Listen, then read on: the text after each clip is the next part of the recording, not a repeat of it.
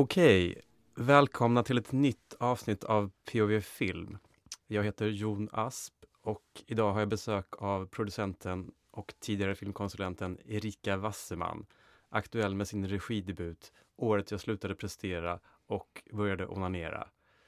Välkommen hit! Tack! Hur hamnade du här? Du har producerat några av svensk films främsta filmer det senaste decenniet. Man tänker sitt, Avalon. Och nu gör du alltså din första film i egen regi.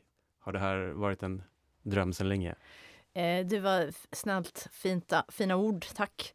Eh, det har absolut inte varit en dröm. Jag har aldrig varit intresserad av att regissera. Eh, jag, jag, fick testa det en gång när jag var typ 25 och tyckte det var he hemskt, alltså fruktansvärt ångestfyllt. Eh, massvis med beslut där man inte kunde nå närheten av ens liksom, vision. Tyckte det var fruktansvärt jobb, jobbigt.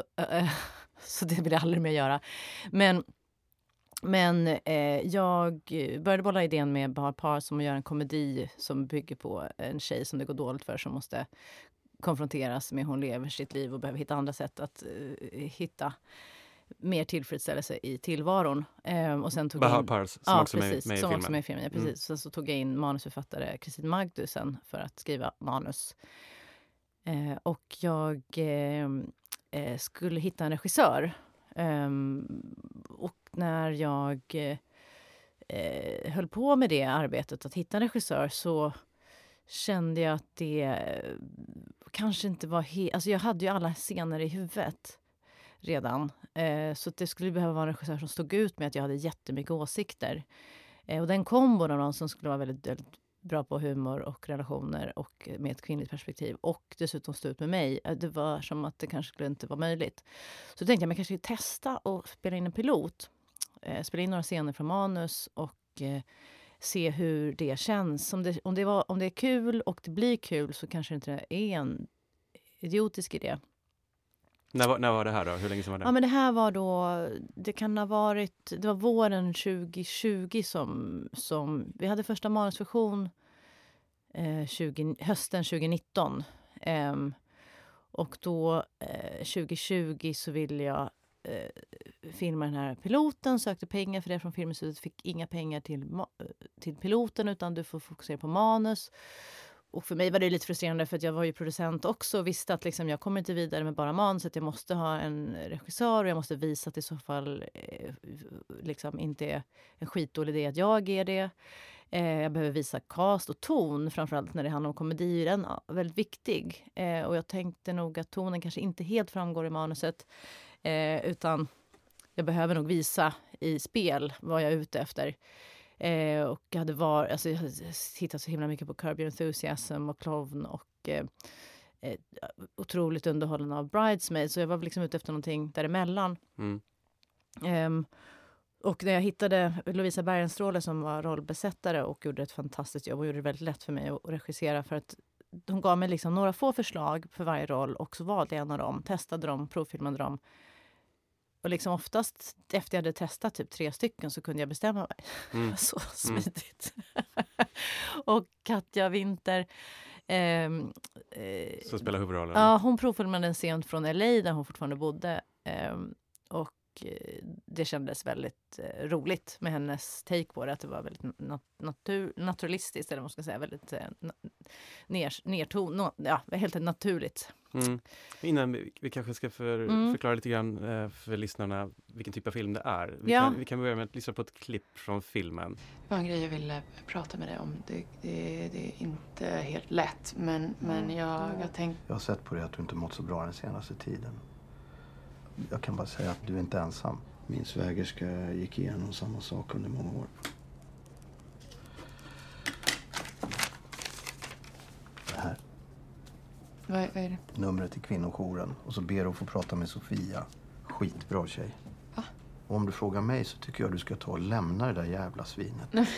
Du är värd så mycket bättre. Ja, men nej, det, det, är inte så det är. Han är inte sån. Du är en stark kvinna. Du är smart. Du är schysst, du är skön och framförallt så är du jävligt bra. Vad är det här? Du är vår representant nu i alla internationella sammanhang. Du sa att det skulle vara omöjligt ju. Grattis. uh, Okej. Okej. Kommer få åka på festival. Cannes, Venedig, Berlinale, San Sebastian, Göteborg. Jo, jag vet. Men, men det här det var faktiskt inte därför jag kom hit. Jag, jag ville prata med dig om att jag har ju haft det lite stressigt och jag vet inte om du har märkt. Det har varit svårt för mig att kanske visa det också. Jag fattar att du behöver inte sitta här och ursäkta dig. Det här kan drabba vem som helst. Starka kvinnor, svaga kvinnor. Det kan drabba män. Men det finns hjälp att få. Anonym alkoholist. Nej. Googla. Alltså det grejen är att det här jobbet skulle innebära mycket mera stress. Men det kommer ju du greja. Om någon grejar det så är det ju du. Erika, kan du inte beskriva, hur- det låter ju som att det här är en berättelse som du ville berätta mer än att du specifikt skulle regissera. Ja, det var mer Vad är, jag- vad är det för typ av Ja, men det är film? väl en eh, eh, komedi och relationer. Eh, och eh, det är en film om en tjej som det går dåligt för. I olika situationer så gör hon det ännu jobbigare. Genom att vara klumpig och eh, eh, liksom... Hon är en eh, högpresterande. hon är en högpresterande tjej som liksom eh, tabbar sig eh, för att hon hinner inte med. Precis. Ja. hon utnyttjas en del på jobbet för att hon är så skillad och, och har svårt att säga nej. Precis, för hon gillar att vara duktig Mm. och liksom eh, bekräftelsetorsk Mm. åt alla håll. Men alla är missnöjda då, för ingen, hon hinner ju inte med någon ordentligt. Liksom, så Nej. alla känner sig att de har fått det korta strået av henne. Hennes po- pojkvän då, som hon har ett barn tillsammans med, är väldigt missnöjd. På samma sätt som hennes arbetsgivare tycker att pojkvännen är ett as. Uppenbarligen. Och eh, pojkvännen vill att hon ska säga upp sig. Och det är liksom där lite filmen börjar, eller hur? Ja, men ungefär så. Det- Man kan väl säga att det är egentligen ingen av dem som känner exakt så starkt som du beskriver det kanske, utan mer så att det, det, det liksom, hon räcker ju inte till, varken på jobbet och där blir väl familjen, inte ett hot, men liksom det som ställer till det för henne att kunna vara den här stjärnan på jobbet. Att hon också behöver liksom bry sig om sin familj. Eh, och i, hemma så räcker hon ju inte till för att hon liksom ger allt på jobbet för där har hon mer, fått större bekräftelse och får mer kanske eh, ska man säga, utdelning för hennes insatser. Medan hemma så är hon kanske inte tillräckligt bra på att vara hemma och därmed mindre mindre bekräft... Alltså, eh, hon är mindre duktig på att vara omvårdande och det gör att det är lättare för henne att vara duktig på jobbet än att vara duktig hemma. Mm. Någonting sånt. Mm. Och att eh, det liksom, svaret är väl inte att hon ska säga upp sig men kanske att hon ska förstå att hon behöver också vara närvarande för dem som hon bryr sig om för att det ska liksom vara, funka för dem. Så. Sen hårdraget, liksom, i komedi så handlar det om att skruva upp allting så att det liksom blir den här typen av eh, mer konflikter. Då. Mm. Hur mycket kommer en sån här idé utifrån det som man upplever själv versus liksom det som man upplever hos sina vänner och medmänniskor? Jag tror så här, känslorna måste nog komma från en själv liksom, när man skapar. Ehm, eh, jag menar, jag eh, eh, tror att det är för de flesta som berättar så, så har man väl känt känslor. Liksom. Sen så handlar det om att hitta situationer som liksom, eh, är dramatiserade och, och eh, underhållande. Och det blir de ju när man överdriver och när man eh, spetsar till det och liksom skapar karaktärer som liksom är, passar för det man vill berätta. Mm. Ehm, och sen så är det liksom en fas i livet där som många kan känna igen sig i. Att det liksom, vi är inte särskilt uni- unika utan det är är ju eh, ungefär samma dilemman och liksom ambivalens och eh, förväntningar vi dealar med. Eh, så att det var nog mer att det finns något ganska universellt i det här som går att berätta om. Och du var inne lite på eh, huvudrollsinnehavaren Katja Winter som vi har sett tidigare, i, bland annat i Ur spår. Hur, hur kommer det sig att valet föll på henne? För jag antar att du var väldigt involverad i, i casting också. Alltså, när, jag fick tips om henne, då hade inte jag sett eller hört talas om henne. Eh, hon hade ju gjort mycket i USA, liksom eh, Sleepy Hollow och Dexter och sådär. Eh, och sen så samtidigt som hon eh, provfilmade för mig så provfilmade hon för Urspår. Så den hade inte kommit ut eller filmats då när vi började jobba ihop. Ehm, och eh, det, så att jag kände inte till henne alls, vilket jag tyckte var fantastiskt. För hon var ju så otroligt... Eh, eh, Liksom, hennes komiska timing och intelligens i liksom, hur hon gjorde det gjorde att det var så här, men gud, här är ett riktigt proffs. Hon är så jäkla duktig. Och eh, hon hade jobbat mycket i USA, så liksom, tekniskt otroligt liksom, proffsig. Eh, och sen otroligt sympatisk och gullig eh, människa. Så det, det är bara lyckträff. Och så, så inte så här överexponerad, utan liksom lite ny eh, i sammanhanget. Så för, för mig var det bara en total... Eh, ja, så otroligt eh, lyxigt med covid. Att de flyttade hem till Sverige och var tillgänglig för alla möjliga rep. Precis.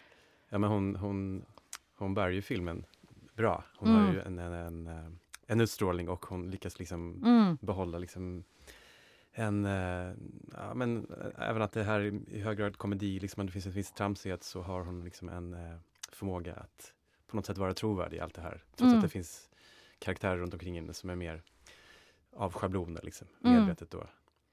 Och man kan ju lite se också att kvinnorna i här i filmen står för temperamentet medan männen är ganska gråa liksom, eh, genomgående. Håller du med om den beskrivningen? Och jag vet inte riktigt. Alltså, det- nu är jag ju kvinna och eh, eh, liksom har fått göra en komedi där en kvinna är huvudrollen. Och då blir ju bidrollerna eh, liksom lite grann färgade av det såklart. Sen har jag ju varit intresserad av att man ska kunna relatera till alla karaktärer. Att de liksom är, känns verkliga och man har dem på sitt jobb eller i sin familj eller i sin liksom, vänskapskrets. Um, så jag skulle nog inte säga att, jag, att de är färglösa och sådär. Ehm, utan jag tror alla skulle klara av en egen, ett eget avsnitt i, i en liksom serie. Eller liksom så. Så, att, så det håller jag nog inte med om. Sen är det väl så att... Liksom, Färglösa behöver inte betyda att de inte är sevärda. Jag, tycker, till exempel, jag har stor behållning av eh, själva kontorskomedin som är Ja. en liten del av filmen. Ja. Bland annat med Henrik Dorsin och David Wiberg som, Ja, som båda återigen gör Ja, små så underbara. som, som är väldigt roliga och sätter en stämning ja. som är viktig tycker jag för filmen. Ja, nej men de, det var så kul. Alltså David, han eh, är en vän till mig eh, och är gift med en annan vän till mig och eh, eh, också hjälpte mig med manus i ett skede när jag behövde pepp. Och kom in och sa att det här, det, det, det kommer visst kunna bli bra typ. och som tack så var jag så här, men du får en roll David. Tyvärr har jag inga kvar, men det finns en här som heter Medioker man. Men alltså han kan heta Ola och eh, jag styr, fixar så att vi kör. Vi har lite mer än två repliker. Fan, du är så grym och rolig och duktig så att det, det vore ju himla trist att det ska liksom bara bli två repliker. Så då flyttade jag om så att hans skrivbord fick vara mitt emot Katjas så de kunde bli liksom mer av frenemies liksom. Eh, och tävla om Henriks gunst. Och det, det, det hittade jag på bara två dagar innan vi skulle börja filma. Och då helt plötsligt, så, folk blev ju väldigt stressade för helt plötsligt så var ju spel, alltså inspelningsschemat var ju extremt tajt. Vi hade 20, 58, 53 platser på 28 dagar. Så vi hade ju liksom knappt tid för mer än två tagningar och tre inställningar. Liksom. oj, Alltså det är väldigt, extremt- väldigt många platser på få dagar. Ja, precis. Tack Jon. Så det var ett extremt stressigt schema. Och då helt plötsligt skulle David vara med istället för typ en dag och liksom, eh, du vet, eh, två repliker så skulle han vara med i tre dagar och liksom alla scener. Så det blev extremt pressat eh, schema. Men eh, han är ju så rolig och de blev, var ju så roliga ihop så det är jag ju glad att eh, jag eh, propsade för. Så då fick han då heta Ola och ha en mer tydlig eh, uppgift, det vill säga eh, tävla om status. Mm, precis. Nej, men det var väl ett bra val, kan jag hålla med om. Men det är inte framförallt de här manliga bikaraktärerna som driver filmen, utan det är snarare en annan kvinnlig karaktär som kommer in i filmen och som, som på sikt leder till en slags frigörelse för huvudpersonen. Eh, berätta lite om den Jag måste bara säga att så här, det är inte så att David behöver, alltså, att jag var snäll och gav mig en roll. Han är ju fantastisk och jag är bara så glad att han vill vara med. Eh, och han var kanske mest med som en tjänst och då, då vill jag ju se till att han hade kul. Precis, det, det gick fram. Men, men berätta lite om den unga väninnan som kommer in i filmen Ja. och som driver liksom filmen framåt. Vera Karlbom, en sån, eh, no, eh, sån, sånt geni till begåvning. Hon är ju musiker och artist. Um, It's Frenzy Baby. Eh, och hon eh, fick jag också då eh, tips om från Lovisa och hon, så gjorde hon en provfilmning tillsammans med Katja och eh, det var väldigt roligt. Eh, så då kände jag att det här kommer kunna funka. Sen var väl alla lite så här, hur ska det gå med alla de här... Det är ju extremt... Det är vissa scener är extremt långa och jättemycket text var det. Ehm, och då, hur ska det gå? För hon, har inte, hon är ju inte skådespelare liksom. Men det gick ju galant för hon är så begåvad. Som det brukar vara Ja. med människor som är vana vid att stå på scen. Men hon är också den personen som, som blir motorn i filmen i det att hon liksom uppmanar eller Mm. ja, uppmanar eh, huvudpersonen Hanna att helt bokstavligen släppa fittan fri, Mm. eller hur? Mm. Och eh, det leder till olika äventyr. Mm. Hur eh, var det liksom den centrala, liksom, var det liksom, är det någonting som du kan spegla dig själv också, att du liksom har eh, Släppa Haft- fittan fri, eller? Precis, det var det jag menade. Erfarenheten Alltså, av det- att träffa, träffa, hon tillhör en yngre generation på ett Ja, sätt. Hon är ja. väl kanske 20 år yngre. Ja. Eh, och kommer in och liksom ställer ja. vardagen på ända. Eh, verkligen. Ja, alltså nu, det, hon är ju en påhittad karaktär, eller alla är ju påhittade karaktärer, men just den här eh, karaktären skulle vara som Ryan Gosling liksom i Crazy Stupid Love, att det kommer in, eller som en elva, liksom att det, det är någon som liksom, fairy godmother som liksom löser saker och ting genom att komma med Deus ex machina. Alltså, fast i Mm. det här sammanhanget så var det väldigt eh, konkret Eh, förhållningssätt. Sen var det att jag tog in det, här mantrat och så. Jag träff, hälsade på en kompis i Berlin, Lisa, som berättade att hennes granne hade blivit så glad. Eh, och eh, varför det, undrade jag. Jo, jag har gett henne tips eh, från en bok jag läser. Ah, vad är det för tips? Ah, men jag har tipsat henne om att hon ska lyssna på slidan, låta slidan bestämma. Jaha, men gud, vadå? Och, ja, och nu är hon jätteglad, Erika. Okej, Bara, vad är det för bok? Ja, men den heter Hallongrottan, en bok om penetrationssex. Jaha, oj då. Eh, och då, det var ju så lustigt, eh, tyckte jag det lät som allting. Liksom. Hur hon hade blivit glad och lyssnat på fittan. Vad fan är Mm. det för någonting? Så då började jag lyssna på den och då tyckte jag det lät så himla... Eh, det blev så roligt att, fundera, fantisera kring vad som skulle kunna hända om man lyssnar på en sån här bok på jobbet och sådär. Och sen så är det ju en tematik i filmen som handlar om att Det lyssna är för övrigt en väldigt rolig scen i filmen. Ja, Just tack. när, när bluetoothen går över, överstyr. Hatar bluetooth.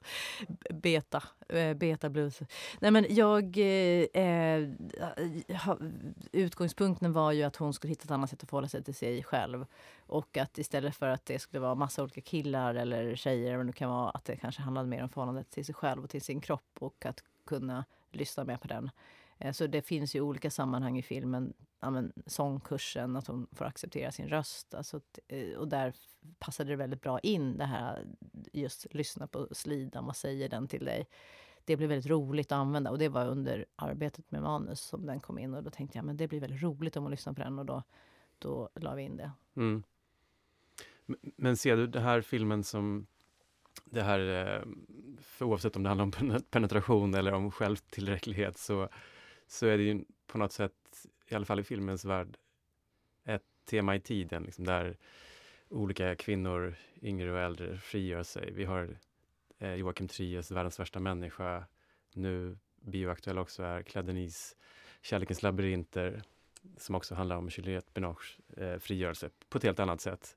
Eh, men ser du din film som, som en del av en utveckling som du har märkt? Du, menar, du har ju varit producent tidigare och filmkonsulent, så du har ju ganska bra pejl på vad som dyker upp i filmvärlden här hemma och, och utomlands. Ja, du gud, måste fråga, vad sa du innan Claire Denise? För jag, Eh, Joakim Triers. Joakim Trier, ja, Ja. det är mer även, alltså att det blir, handlar om att, att fri, frigöra sig som kvinna, att det är Mm. det som är en eh, trend.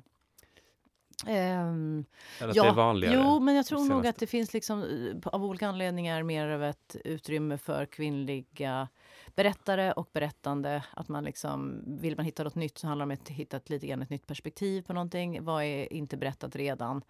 Ja, vi har sett massvis med eh, historier om, om eh, liksom, eh, kvinnor och män som separerar. Eller liksom, så. Nu så valde Joakim att fokusera lite mer på en tjejs fokus. Jag tycker fortfarande det är ett manligt perspektiv på, Mm, på hennes liksom, eh, utvecklingsresa. Så att, den är delvis ny, men kanske också gammal. Så. Mm.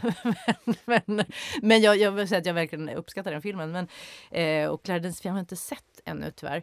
Eh, men men ehm, eh, fan, jag såg Chaplin igår på Berwaldhallen. Eh, det var så här live-orkester till liksom Chaplin och hela den halvan Mm. och Buster Keaton. Men ehm, eh, jag såg The Kid med Aito, mitt barn, eh, för ett år sedan som då var gjord 1921.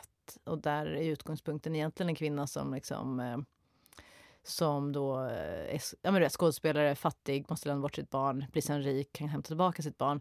Och det kändes helt otroligt. Här, den börjar ju med att säga att det här är historien om en kvinna eller något sånt där. Mm. Och det mm. var 1921. Så, så tidigt. Så egentligen så är liksom, de här berättelserna har funnits och bara mm. krävts att det funnits berättare som har varit intresserade. Eller Jenna Rowlands, jag tänker på liksom eh, alla hans filmer. Gud, John Cassavetes. Precis, att mm. det, är så här, det, det är inte egentligen något nytt. Det här har funnits, Fassbinder, alla hans karaktärer, eller många av de filmerna som jag älskar med honom är ju en kvinna i huvudrollen liksom, med en väldig känslighet porträtteras, eh, även om det är en man som berättar. Så att, eh, jag vet inte om det är något nytt, men det är ju kul Mm. med, med historier som man kan relatera till och känna att gestalta någonting man själv är med om. Mm. Eh, och min bakgrund till filmen, varför jag var intresserad var ju att jag själv ville se det här. Liksom. Jag ville se Curb men med en kvinna mm. i den här livssituationen och liksom kanske med lite mer empati än vad Larry David liksom har i sina eh, narrativ. Liksom. Mm.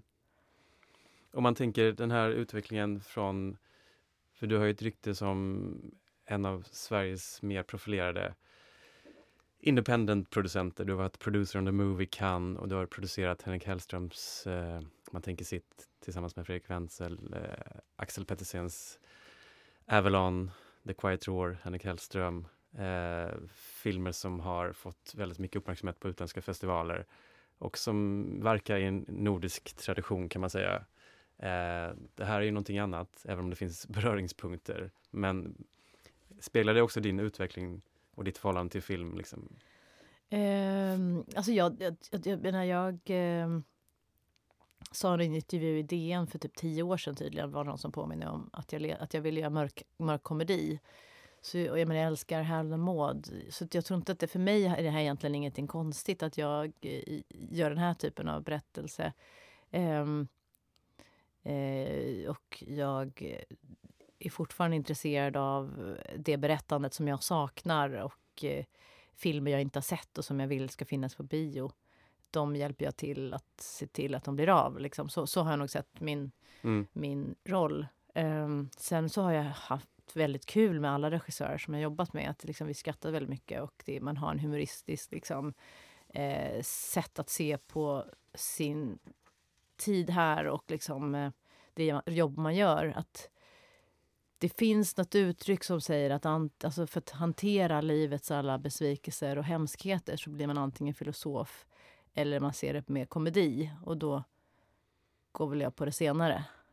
Mm. ja, det finns ju ingen uh, tydlig distinktion. Så det är inget konstigt val i sig. Men du, du, ändå, du skrev i en filmdagbok i Point of View att det har varit citat frustrerande att filmerna jag producerat tidigare inte fått någon publik att tala om nu vill jag se om jag kunde göra en film som hade något på hjärtat, men ändå nå ut. Så det har varit en ändå viktig drivkraft, liksom att öppna upp med ett bredare tilltal.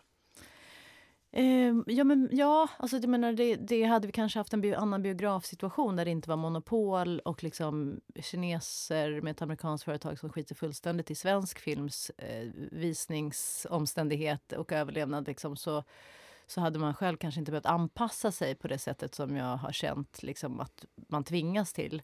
Eh, det, är ett, eh, det är en väldigt tragisk situation som behöver hanteras på en högre nivå.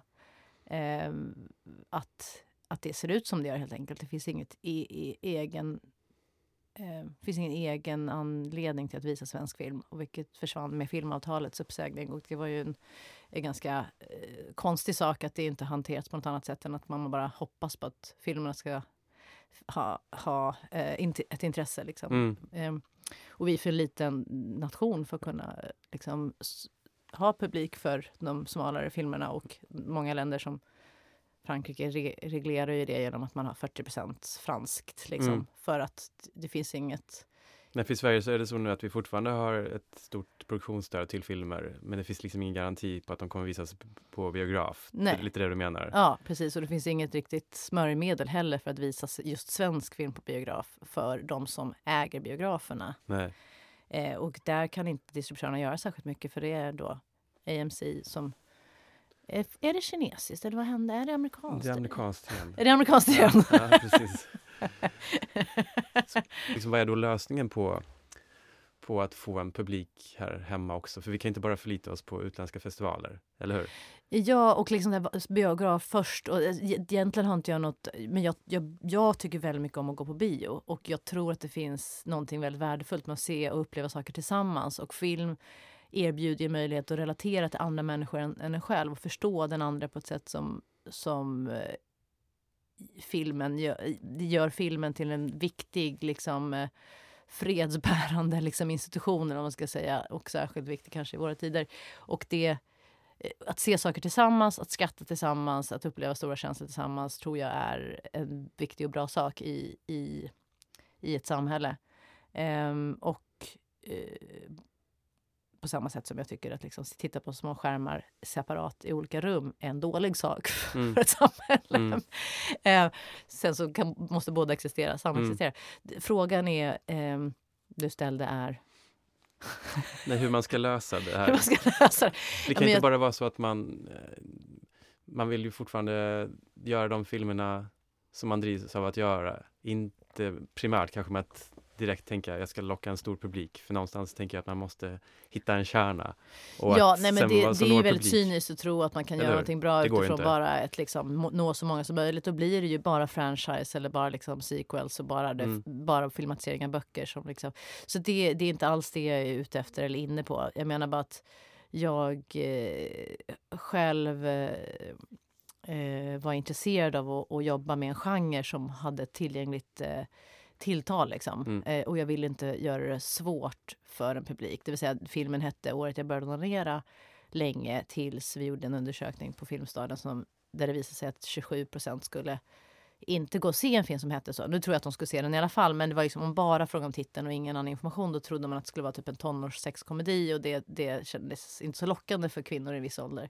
Och då tänkte jag, men då lägger vi till året jag slutade prestera så är det liksom de som blir generade och de som har liksom släktingar som de inte vill säga den här titeln till eller vad det nu är slipper. Det vill okay. säga, jag ska inte sätta in några trösklar Att man kompenserar den där sippheten då med att visa på en duktighet också ja. i, i, i titeln redan. Ja, det är en, det är en fantastisk titel.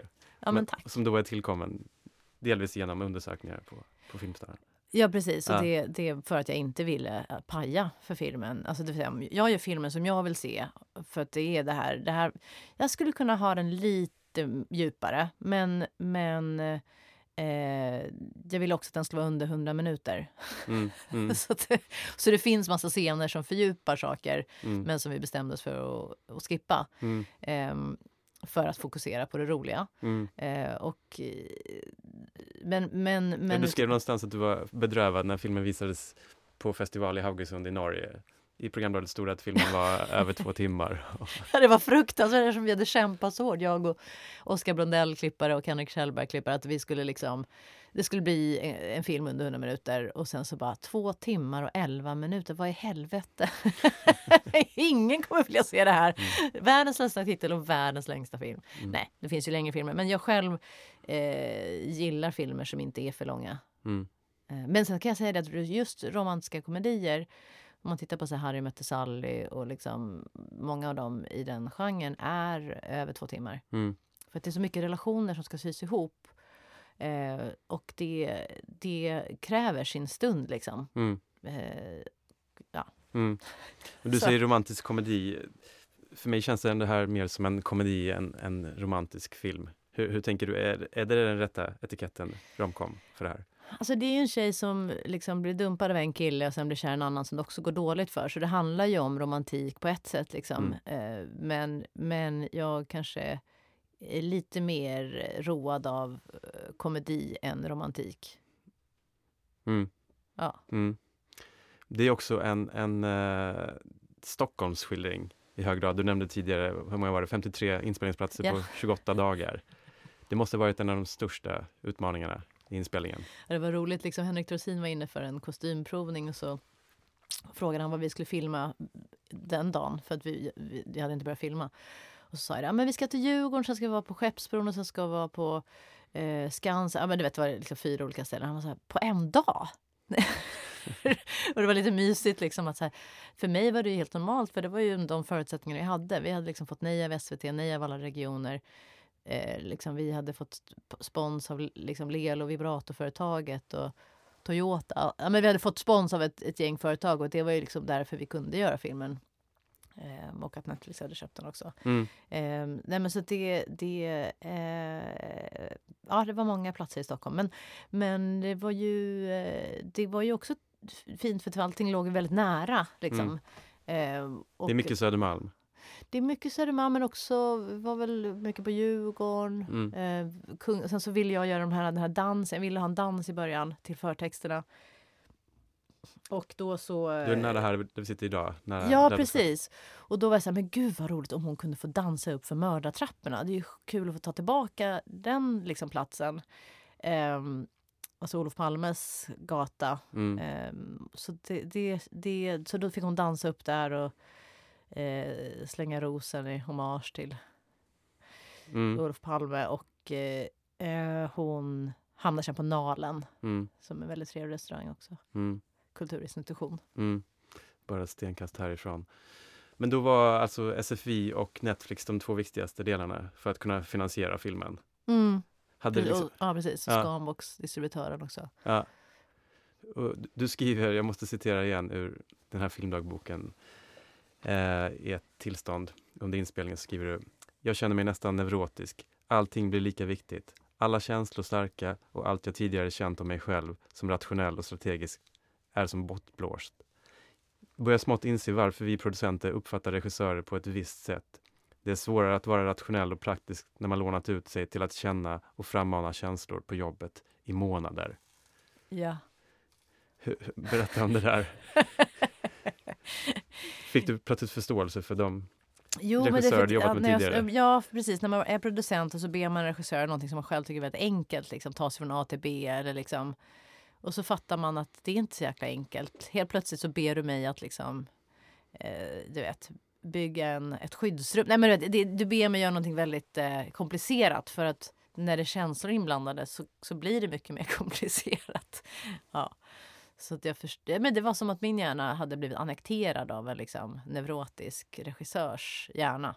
Mm. Eh, och jag eh, behövde hjälp med de mest liksom, enkla, praktiska ting. Liksom. Mm.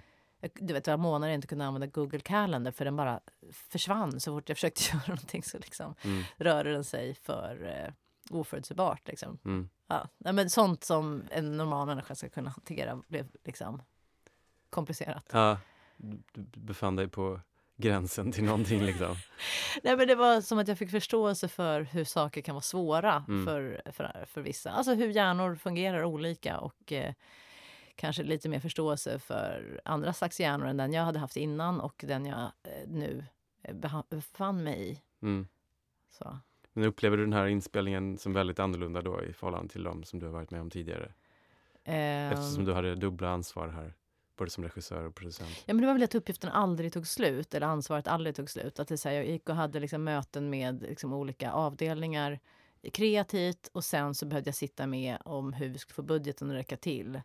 Eh, och eh, det, den typen av liksom, att aldrig vara klar och hela tiden låg ansvaret kvar hos mig. Liksom. Jag kunde aldrig bli arg på att vi inte hade tillräckligt mycket pengar. Eh, för det var ju mitt ansvar att se till att vi hade tillräckligt mycket finansiering.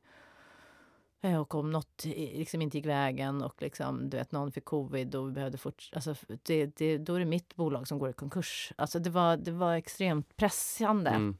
Hur tror du att det påverkar dig som, som kreativ regissör? Att du har så många producentaspekter att betänka? Ja, men jag tyckte det svåra var ju... Jag hade ju ansträngt mig för att liksom försöka hitta ett team som var erfaret. Eftersom jag inte hade regisserat tidigare så är det ju lättare med andra människor som har vana vid liksom, processen, alltså, som, alltså från alltså heads of departments. Liksom. Och det var inte så himla lätt att hitta folk eh, som kunde... Alltså du vet, det är så jäkla mycket serier som pågår och det är ett enormt... Eh, eh, ja, det finns inte mycket folk helt enkelt att få tag på. Så det, det blev eh, lättare med de som hade erfarenhet av att jobba med både debuterande regissörer och jobbat med långfilm. Mm. Så att jag som producent, alltså jag, det vill säga jag kunde ställa krav som producent på folk men som regissör var jag ju grön och debuterande. Så där blev det ju krockar. Jag hade ju aldrig liksom jobbat, alltså så här, behövt vara med, delaktig i alla delarna kring, eh, ja men du vet. Eh, hur man når fram. Alltså, som producent blir man bara indragen i de kreativa praktiska situationerna när något är ett problem. Liksom. Mm.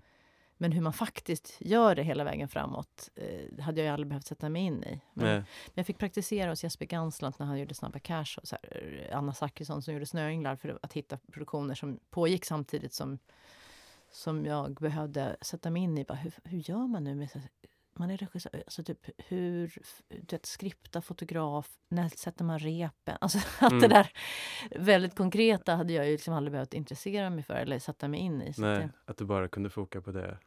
Alltså men, då fick jag, jag skaffa den liksom, eh, erfarenheten på vägen. Ja. Liksom, genom att praoa lite. Men blev du någonsin ifrågasatt av finansiärer Eh, eftersom du var förstagångsregissör? Eller var det snarare så att producenten i dig kunde övertyga dem om att... Alltså med den här piloten som folk tyckte var rolig ja. så, så var det faktiskt ingen som ifrågasatte att jag skulle regissera. Eh, det var typ en dramacoach som i och för sig är jävligt eh, grym. Eh, vad heter hon? Judith Weston har skrivit en bok som heter liksom typ, vad det? coach, alltså skådespelarregi för regissörer. Jätte, jättebra bok. Och hon skulle jag få en session med tills hon bara, nej har du inte ens gjort en kortfilm så är det ingen idé Erika, det kommer gå till helvete. Nej men hon var... Hon var... men du hittade en annan jätteduktig som heter Carrie Keen. Um, och eh, uh, som Sandra Andreis, en skådespelarkompis, tipsade om. Eh, och hon hon var väldigt uppmuntrande och tyckte det här kommer gå toppen. Eh, och sen var det någon distributör som jag var i kontakt med som tyckte också att jag skulle göra en kortfilm. Och, och eh, det tyckte jag var ett jättedåligt råd. Eller liksom, jag hade ju gjort liksom sju minuter pilot som eh, som eh, jag, jag tyckte visade att det här kommer kunna bli roligt mm. och berörande. Mm. Eh, du har jobbat som konsulent också på Filminstitutet. Hur, hur vanligt är det att man gör piloter liksom inom ramen för de utvecklingsstöd man får?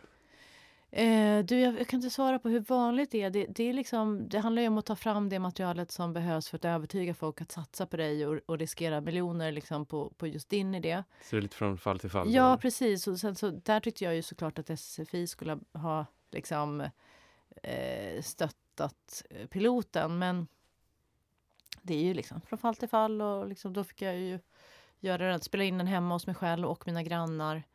Eh, liksom, mm. eh, på en dag. Mm. Men hur ser, du, hur ser du på möjligheten, alltså med tanke på den extrema eh, erfarenhet som du har eh, olika funktioner, liksom, eh, med ditt kontaktnät, med ditt kunnande.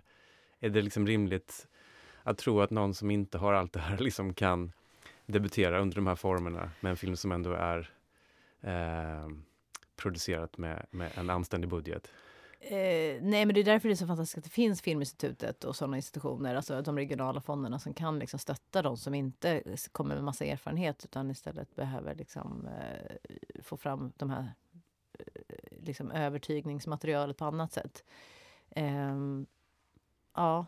Mm. Och du ser eh, om man tänk, betänker din tid som, som eh, kortfilmskonsulent, du var ett par år, hur eh, förändrade det på något sätt liksom, ditt sätt att tänka kring film? För jag antar att man får massa eh, med sig på vägen där. Är det liksom tankar som, som leder till att man själv vill kreera själv? Eller vad, vad, ja, hur, det var, hur, hur påverkar hur det påverkar liksom? mig? Jag bara, ja. jo, men alltså, det som hände var att jag insåg hur kul jag hade på mitt jobb som producent. att jag, eh, jag får väldigt mycket energi av att liksom vara inblandad i kreativa processer och jobba med människor som jag eh, liksom eh, har kul med eller liksom inspireras av. Jag hade ju lämnat Gräns som, jag gjorde, som Ali Abbasi regisserade för att ta jobbet som kortfilmskonsulent och sen så när den... Ja, du var exekutiv producent Ja, precis. Alltså jag, jag, var producent fram tills den skulle gå till inspelning. Ja. Och det var ju otroligt eh, frustrerande att se. För då hade jag tänkt att jag har gjort så många konstnärliga filmer som inte får någon publik. Och så var det den här filmen som gick och blev liksom, du vet, fick alla priser liksom och Oscarsnominerad. Och där ja. satt jag liksom och, och eh, var ganska understimulerad konsulent. Och då hade jag ändå dragit igång flera liksom, satsningar för att liksom få eh, få in mer specificerat liksom, mm. material. Så, det, ja, men så jag förstod att jag är mer kreativ än vad jag trodde kanske. Mm. Ehm, eh, och, och att jag eh, liksom, jag tror att jag också lite grann, så här, jag hade aldrig jobbat som konsulent eller liksom på det sättet tidigare, delat ut pengar. Och jag ville ge ordentliga svar till alla som sökte, vilket innebar att väldigt mycket av min tid gick åt till att titta på grejer som jag egentligen inte riktigt trodde på, men jag ville liksom att de skulle få rätt feedback för att kunna gå vidare. Och det, så det tog nästan all min tid, det som Mm. inte skulle bli av. Jag förstår, jag förstår. det var lite dumt kanske. Ja. Men jag vet ju själv hur mycket tid och engagemang en ansökan kräver och det tycker jag att man ska då få en ordentlig liksom, eh, liksom återkoppling på. Mm, Men mm. tiden räcker ju inte till för det och särskilt inte när man på Filminstitutet så är det ju så att alla ansökningar läses ju av konsulenten och där skulle jag ju kanske organisera på något annat sätt där man har mer av en ja, någon som liksom kanske kan se vad som är tillräckligt intressant för en konsulent att titta på. För ofta så sitter ju de där med extremt mycket erfarenhet. Och, Mm. Du menar som en första gallring eller Ja, precis. kommitté? Eh, någon, nej, inte en kommitté, men någon som kan se att så här, det här är för gröna liksom, ansökningar. ehm, och kanske att man skulle ha mer av en... Ja, nu finns det ju mer det här talang, liksom. Eh, men att där finns det mer tid och kanske mer duktiga, liksom, eh, stöttande. Eh, jag, jag tycker nog det danska systemet är bättre på de flesta sätt. Mm. Där man har mer av en, liksom, att det finns en duktig produktionsledare som sitter där och kan hjälpa de som söker att liksom eh, göra bra projekt. För man kommer in och är lite grön. Och Mm. eh, eh, ja, att det finns liksom mer tid till att vara en stöttande. Du nämnde Ali Abbasi tidigare och vi har varit inne på det lite tidigare. Vi har flera svenska regissörer som får mycket rubriker utomlands för sina filmer och så har det varit under en, under en längre tid och, och inte minst under det decenniet som du har varit verksam. Eh, jag återkommer till det, liksom, hur ska vi liksom göra för att de här filmerna ska synas även på hemmaplan? Finns det liksom någonting vi kan göra? Liksom?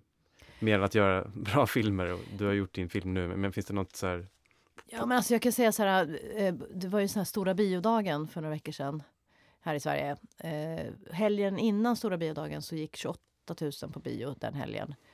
Stora biodagen när, när filmen var på 50% av priset på söndagen så gick 138 000 på bio. Eh, det vill säga det går att få en mycket större publik i Sverige om man Mm. bara kan vara lite mer, ha mer, lite mer lyhördhet inför vad folk lever med. De har inte särskilt fler mycket pengar. Det kostar skitmycket att gå på bio. Dessutom regler kring popcorn. Eh, det, det är amerikaner som inte riktigt bryr sig om vilken film man ser, bara man ser det som eh, går. Det rimmar inte riktigt med, vad ska man säga, visionen man har kring svensk film, att den ska ses av svenska eh, människor och vara eh, angelägen och sådär. Mm. Eh, så där tror jag att man behöver sätta in insatser för att få en mer fungerande Mm. eh, biosituation. Mm. Fler incitament och färre trösklar. Står. Um, apropå din film nu då, eh, prestera liksom, eller onanera. Var, liksom, det låter som att du har haft en väldigt eh, stressig process. Hur, hur, eh, hur har du hanterat liksom att, alltså hur har du kunnat undvika att vara duktiga flickan i allt det här? Eh, eh, eh, gud, jag... ehm, Eh, ah, gud, jag vet inte vad jag ska svara. Nej, men om, hur ska du liksom nå till den insikten som, som eh, Katja Winters karaktär Hanna ja. gör i filmen? Ehm, ja, ska vi se här. Alltså, tiden för återhämtning är ju viktig. Se till att man liksom plan- planerar in för det. Ehm, jag tror liksom att man ska sätta in tid varje dag för att liksom, bara ha tid att reflektera eller återhämta sig. Att man inte ska planera med allt för tajta marginaler. Det, det, det är väl en, så, sådana små knep som man kan ta till. Ehm, Mm. Och du hoppas att du kommer landa där också nu efter att filmen har haft ja, Premiär och det, allting på det plats. är vi många som hoppas. Mm, jag förstår. Eh, men då vill jag tacka dig, Erika Wasserman. Eh, gå och se året jag slutade prestera och började onanera som har premiär nu i eh, oktober. Tack för att du Stort kom. tack. Stort tack, Jon.